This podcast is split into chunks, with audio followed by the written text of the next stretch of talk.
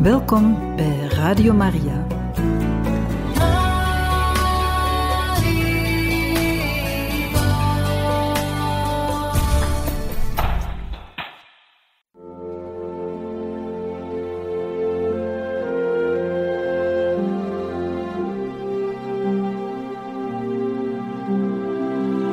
Beste luisteraars van Radio Maria, welkom bij het programma Catechismus.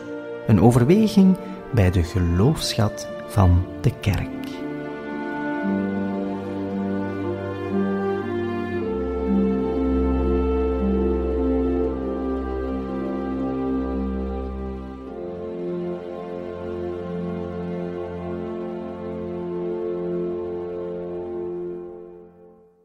Beste luisteraars, welkom bij deze catechese-reeks over de heilige Theresia van Lisieux.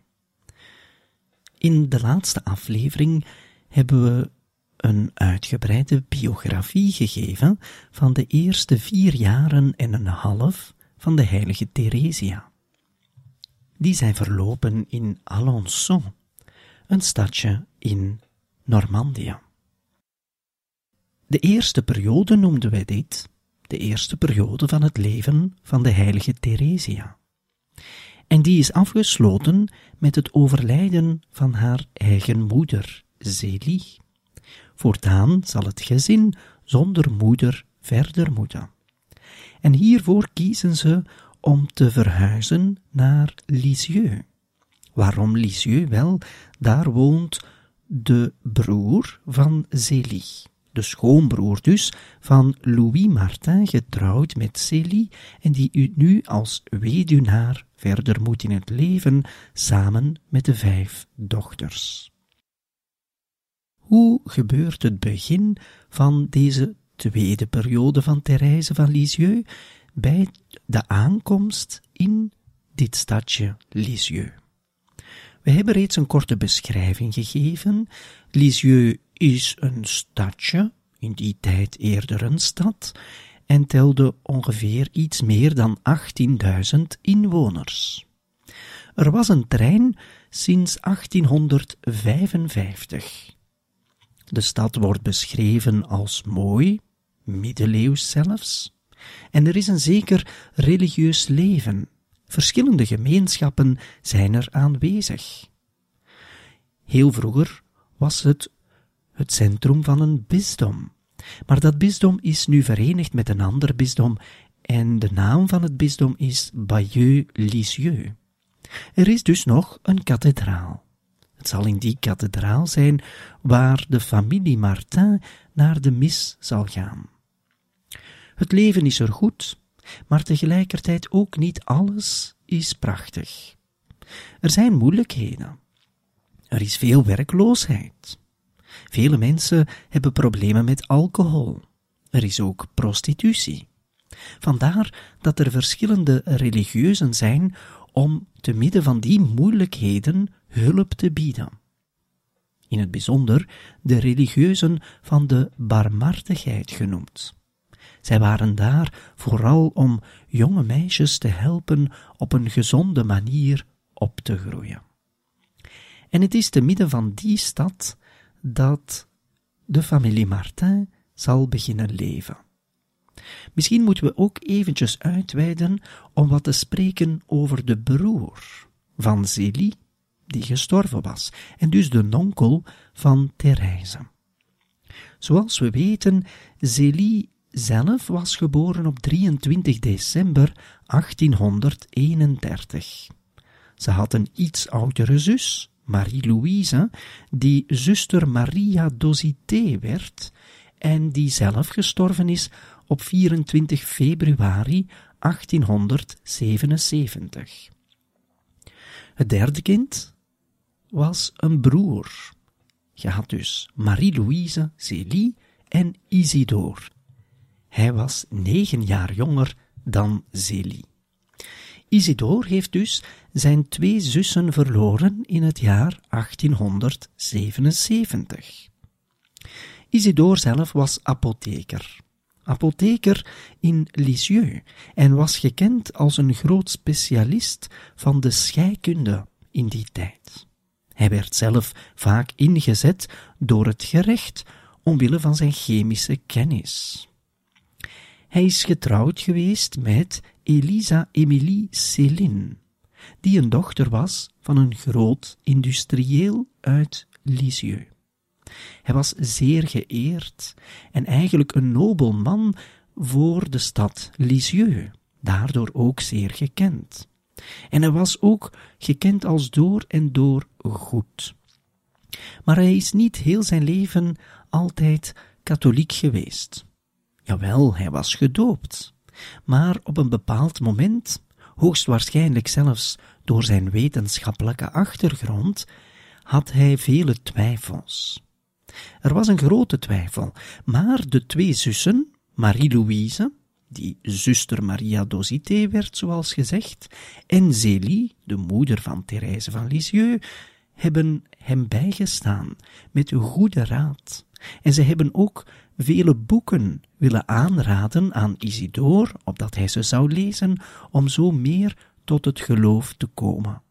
Want op een bepaald moment vraagt Célie zich af of Isidore de enige van de familie zou blijven die niet godsvruchtig is. En hetgeen Isidore voornamelijk heeft geholpen om toch zeer diep gelovig te worden, wel, dat is de lectuur van het boek Inleiding tot het devote leven van Franciscus van Sales.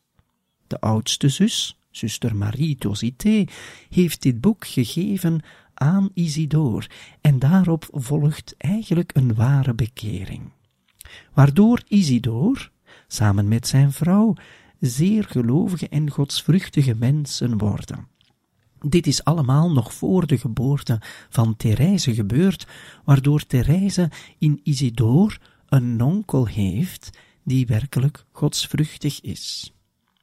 En het is aan die Isidore, de schoonbroer, dat Louis, de man van Zélie, die nu dus weduwnaar is, het is aan die broer dat gevraagd zal worden om een huis te zoeken in Lisieux voor de familie Martin. En zo geeft Isidore in een brief aan Louis, de vader van Thérèse van Lisieux, mee hoe het huis dat hij heeft gevonden eruit zal zien. Hij had al vele huizen bezocht, maar hij was nooit echt tevreden over de staat van het huis voor het gezin de Martins. Maar op 10 september 1877, we zijn dan ongeveer twee weken na het overlijden van Célie, schrijft hij in een brief aan Louis een mogelijkheid tot het huren van een huis. En hij geeft een hele beschrijving mee en we gaan die even voorlezen. Het huis heeft een mooie deur aan de openbare weg. Het heeft een kleine parterre, ingericht in Engelse stijl, met bosjes aan elke kant van het huis. En het mooie huis is bekroond door een belvedere. Op de begane grond zijn er vier kamers, waaronder een mooie eetkamer met eikenlambrisering. En achter deze kamer kan men naar de kelder gaan, een kelder met ook een extra fruitkamer. Boven de begane grond is er een verdieping die eigenlijk het gelijkvloers is en die gelijk ligt met de grote tuin achter het huis. Er zijn drie prachtige slaapkamers en één kleinere. Twee toiletten zijn er ook. Boven de belvedere met open haard en drie kleine zolderkamers met goede verlichting en vloerbedekking. Alles is in perfecte staat, geschilderd en nieuw gestoffeerd. Naast het huis is er een mooie waterput met waterpomp. Achter het huis, zoals gezegd, is er een grote tuin, een mooie regenbak, een rijtuigpoort voor de ingang van de goederen, voor het hout of cider, die op een andere weg uitgeven. Er is ook een schuur met wasruimte, serre, een paviljoen voor pluimvee en konijnen, zeer comfortabel een hok met paviljoen en bad voor eenden. Het geheel is omgeven door muren en een deel van de stad overheersend, geplaatst achter de grote tuin de l'Étoile. Dit was een stadspark. Afstand tot de kerk 700 passen. En zo besluit Isidore de beschrijving van het huis dat hij gevonden had op vraag van Louis Martin om er te kunnen komen wonen met zijn gezin. Zo dadelijk bekijken we hoe dat de overgang van Alençon naar Lisieux is gebeurd.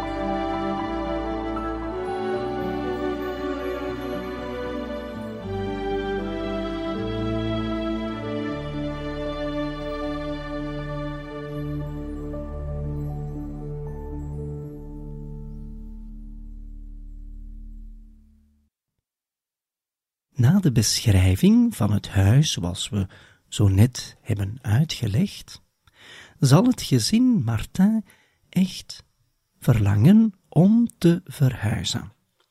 En zo zien we in een brief van Pauline, de tweede oudste dochter, aan haar tante, de vrouw van Isidore, die de broer was van Zélie. De brief dateert van 11 september 1877, dus de dag nadat de brief van Isidore aan Louis werd overgemaakt. Pauline schrijft: Ik kijk er erg naar uit om naar Lisieux te gaan. Volgens de beschrijving van mijn oom lijkt het huis me charmant en we zullen elkaar vaak kunnen zien, wat nog beter is. Ik weet zeker dat mama in de hemel deze onderneming zal zegenen en er blij mee zal zijn. Papa vindt het niet nodig dat we naar Lisieux gaan om het huis te bekijken. Het is waar dat we zullen kunnen verwijzen naar de smaak van nonkel, die zeker ook de onze zal zijn. In deze brief wordt aangetoond hoezeer eigenlijk ook de kinderen betrokken zijn in de verhuis. De vader wenst te verhuizen, de kinderen zijn erbij betrokken, maar ze wensen het zelf ook. En ze zullen vooral tevreden zijn, omdat ze ook bij hun kozijnen zullen kunnen verblijven. Want de verhuis is voorzien op 15 november. Op 15 november zullen de dochters naar Lisieux gaan en eerst een overnachting kennen bij de onkel en bij de tante en hun twee kinderen. Dit omdat de vader, Louis, zelf nog niet aanwezig zal zijn. Hij komt pas twee weken later aan op 30 november, omdat hij de zaken van Alençon nog moest afsluiten. Hij heeft er namelijk zijn zaak verkocht en de zaak van zijn vrouw Célie, om zo eigenlijk op pensioen te gaan. Louis laat dus eigenlijk alles achter. Zijn vriendenkring, hij was graag gezien in Alençon, zijn huis, zijn werk, want hij leeft verder als gepensioneerde, en het enige dat hij nog zal herkennen in Lisieux is zijn schoonbroer, zijn schoonzus en hun gezin. Wat gaat hij doen? Wel, hij zal zich vanaf nu bezighouden met zijn huis, zijn tuin, en een van zijn lievelingsbezigheden is gaan vissen. Ook Therese zal vanaf dan af en toe meegaan tijdens het vissen, waarbij ze in de natuur mag gaan wandelen. En zo'n wandelingen eindigen meestal ergens in een kerk.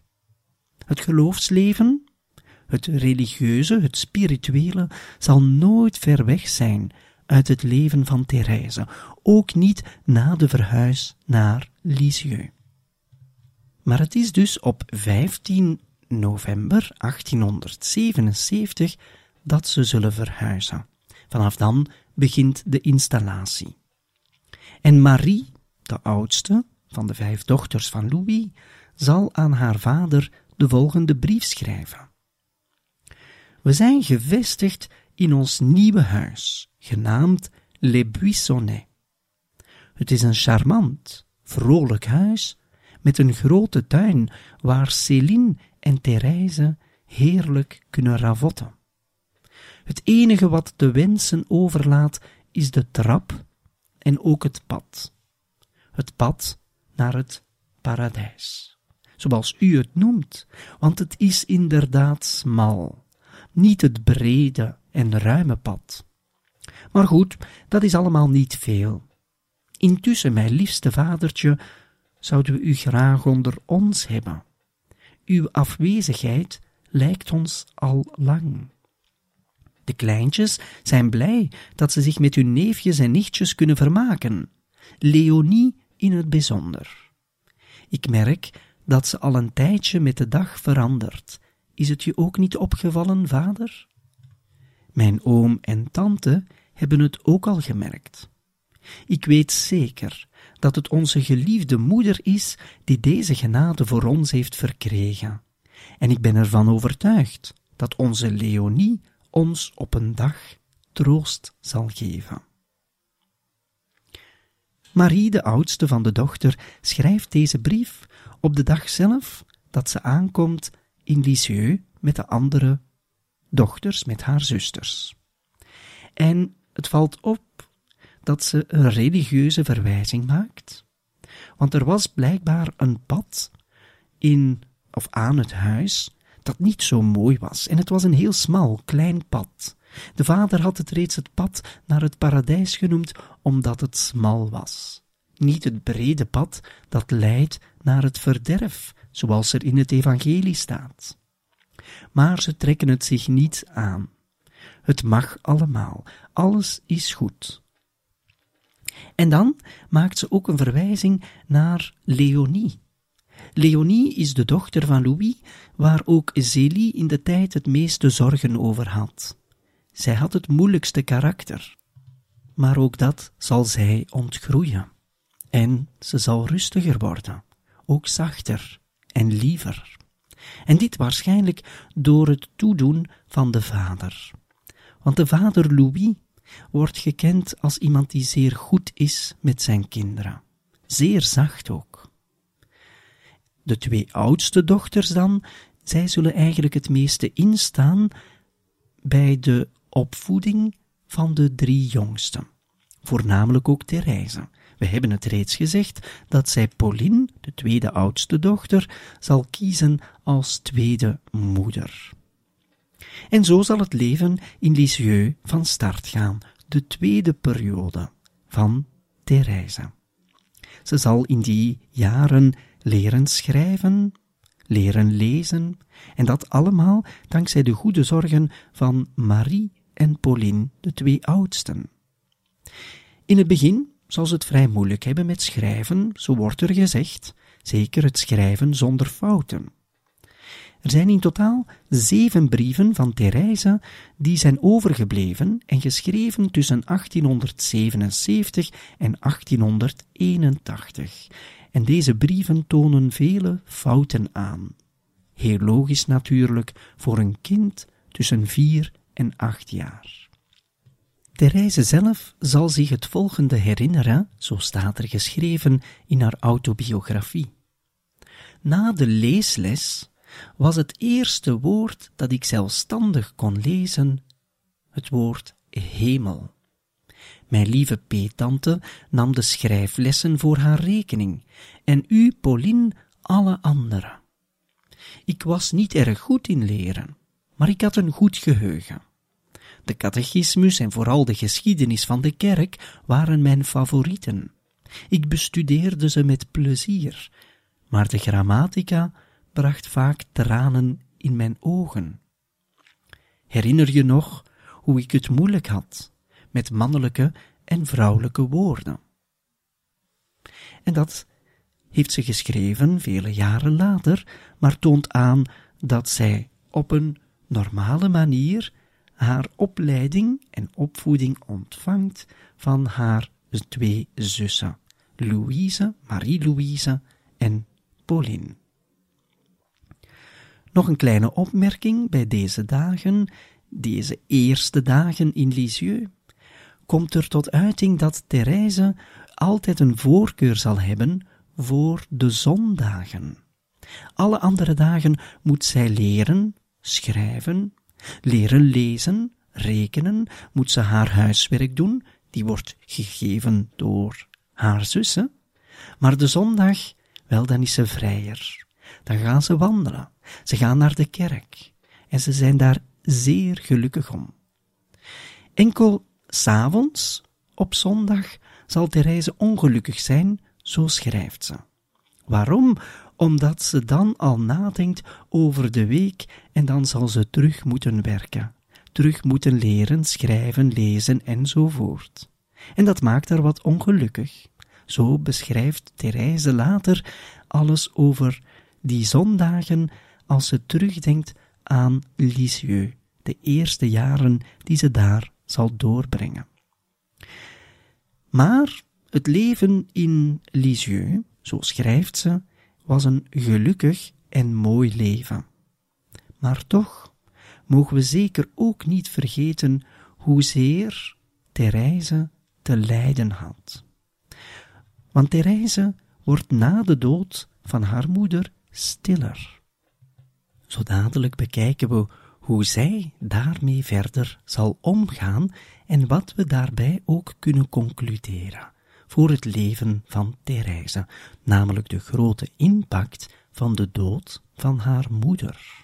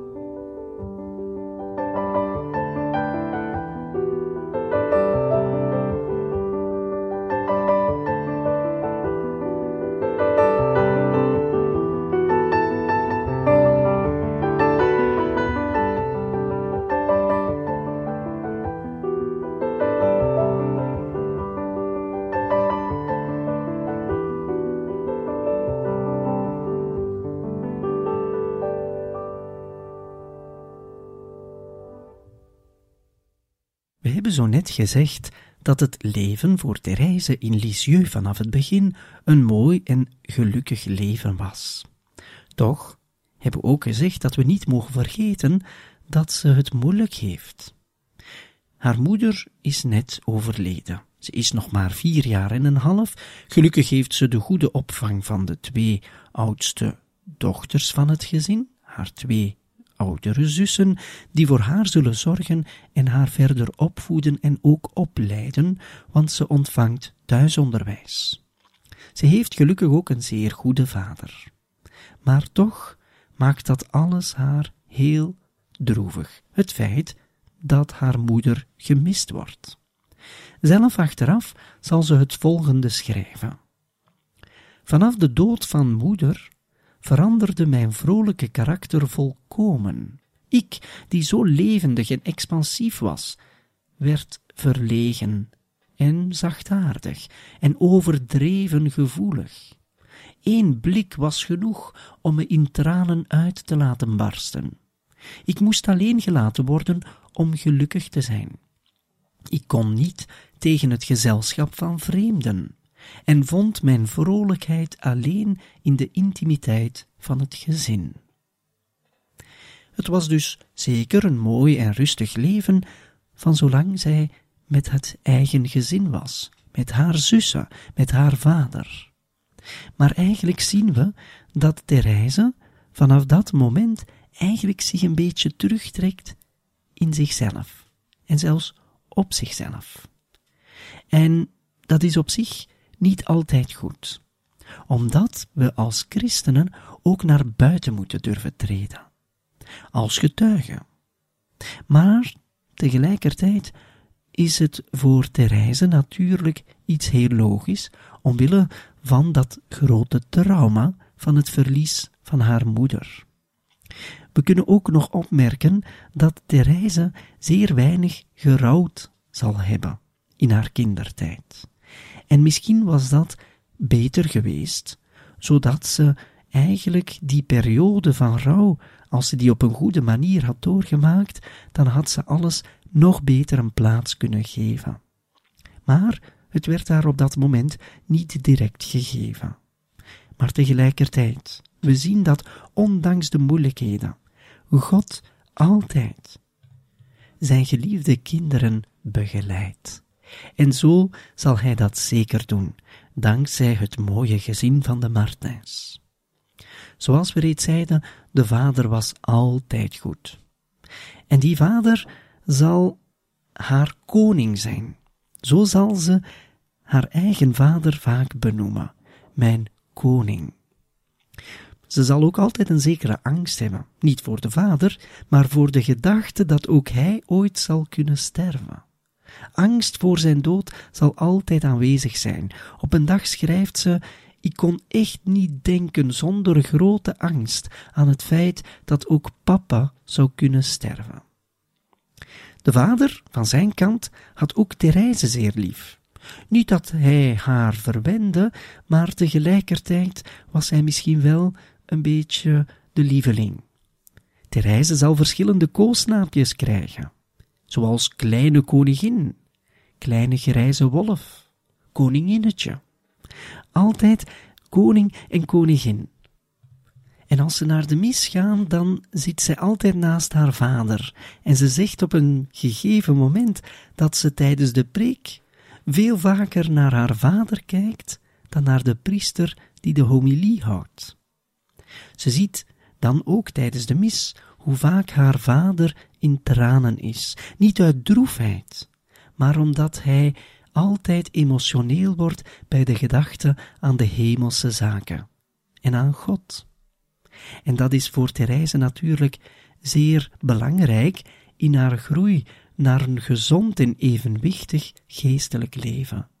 Ze ziet een vader die godvruchtig is, die door en door gelooft, en die echt bezig is met het hemelse, die bezig is met het geestelijke.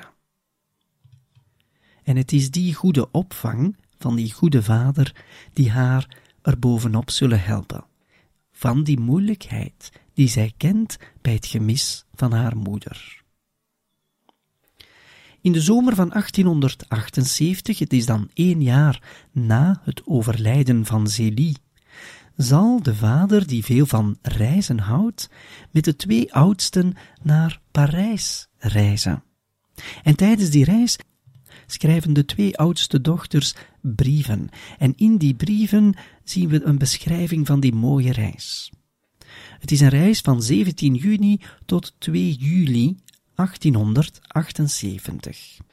En hetgeen opvalt is de voorliefde voor een kerk, namelijk Onze Lieve Vrouw de Victoire, Notre-Dame de Victoire, een grote en belangrijke kerk in Parijs, waar ook Therese later iets belangrijks zal meemaken. Daarover later natuurlijk meer. En wanneer de vader met de twee oudsten op reis is, blijven de drie jongsten bij hun tante en onkel in Lisieux. Daarna, de vakantie is nog niet voorbij, op 8 augustus 1878 zal Therese voor de eerste keer naar de zee gaan, in de stad Trouville. Dit is aan de Normandische kust, 30 kilometer van Lisieux. En daar zal zij voor de eerste keer geraakt worden door de schoonheid van de zee, zo schrijft ze zelf. De beschrijving van de zee deed ze als volgt. We lezen: S'avonds, op het uur dat de zon zich lijkt te baden in de onmetelijkheid van de golven en een lichtgevende voorgeul achterlaat, ging ik alleen met Pauline op een rots zitten. Toen herinnerde ik mij het ontroerende verhaal van de gouden groef. Ik heb er lang over nagedacht. Deze lichtgevende groef, het beeld van genade dat de weg verlicht die het kleine schip met het sierlijke witte zeil moet afleggen. Dicht bij Pauline besloot ik mijn ziel nooit te onttrekken aan de blik van Jezus, opdat zij in vrede naar het vaderland van de hemel zou varen. De zee, en zeker die eerste ontmoeting met de zee, met het krachtige van het water, is voor Therese een moment waarbij zij geïnspireerd lijkt, geïnspireerd door God. We zien dat de gedachten van God nooit ver weg zijn van haar. En het is zelfs op dat moment, ze is vijf jaar en een half, dat ze eigenlijk haar ogen reeds richt op Jezus en dat ze volledig van Jezus wil zijn. Het is niet iedereen gegeven op die leeftijd om zo vol met Jezus om te gaan. En bij alles wat ze ziet in de mooie schepping, heeft ze wel een gedachte aan God. En daar besluiten we vandaag deze catechese mee. Hoezeer Therese gehecht is aan Jezus. En hoezeer zij alles wat haar omringt in de schepping van God altijd een drang heeft om terug te keren naar die goede God, die zij zelf altijd zo noemt. En we hebben tijdens deze catechese de eerste levensjaren besproken van Therese in Lisieux, na het overlijden van haar moeder. Het was een moeilijke, zware periode. Ze werd wat droeviger, ze werd wat meer op zichzelf gericht. Maar tegelijkertijd gaat haar blik nog altijd naar Jezus, die ze trouwens nooit iets verwijt van de moeilijkheden die het gezin de Martins zal kennen. En daar besluiten we mee. Dat grote vertrouwen, namelijk dat Therese reeds toont bij het begin van haar echte kindertijd in Lisieux. Bij de volgende catechese gaan we hierop verder.